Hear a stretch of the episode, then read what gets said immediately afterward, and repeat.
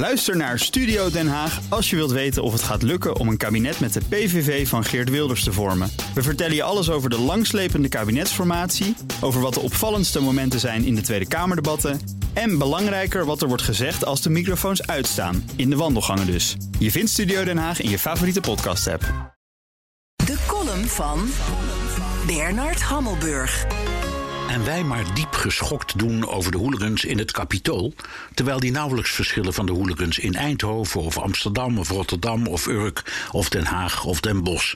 Misschien is het in de brand steken van een teststraat, het slopen van een station of het belagen van een ziekenhuis nog wel erger dan het bestormen van een parlementsgebouw.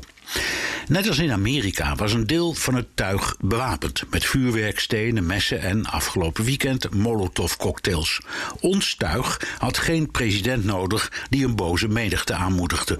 Ons tuig had genoeg aan een premier die schoorvoetend, want hij rilde zelf bij de gedachte, een avondklok instelde. Afijn, voor Amerikaanse toestanden hoef je niet naar Washington. Een beveiligingsbarricade voor de ambtswoning van Femke Halsema is net zo droevig als de hekken rondom het Capitool. We zijn in één keer wereldberoemd.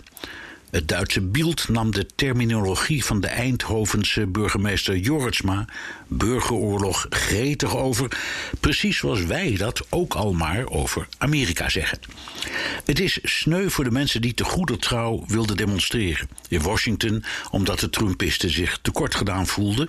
In Nederland omdat ze tegen de coronamaatregelen zijn. Wat mij betreft zit in de hersentjes van zowel de Trumpist als de anti-coronist een printje los maar in een vrij land heeft iedereen het recht om ongelijk te hebben. De collectieve woedeuitbarsting is ook leerzaam.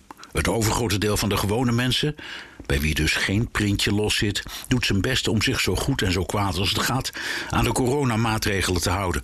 Maar die gewone mensen vragen zich ook af waarom de besmettingscijfers maar niet omlaag willen. Dat is in Amerika en nu ook in Nederland een stuk duidelijker geworden. De anti-corona-gekkies gaan nu arm in arm met de anti-corona-hooligans. En die trekken zich ook zonder te demonstreren thuis in hun eigen omgeving nergens iets van aan. Ik durf te wedden dat het die groepen zijn die het hoge besmettingsaantal goeddeels op hun geweten hebben. En dus ook de avondklok waartegen ze nu zo tekeer gaan.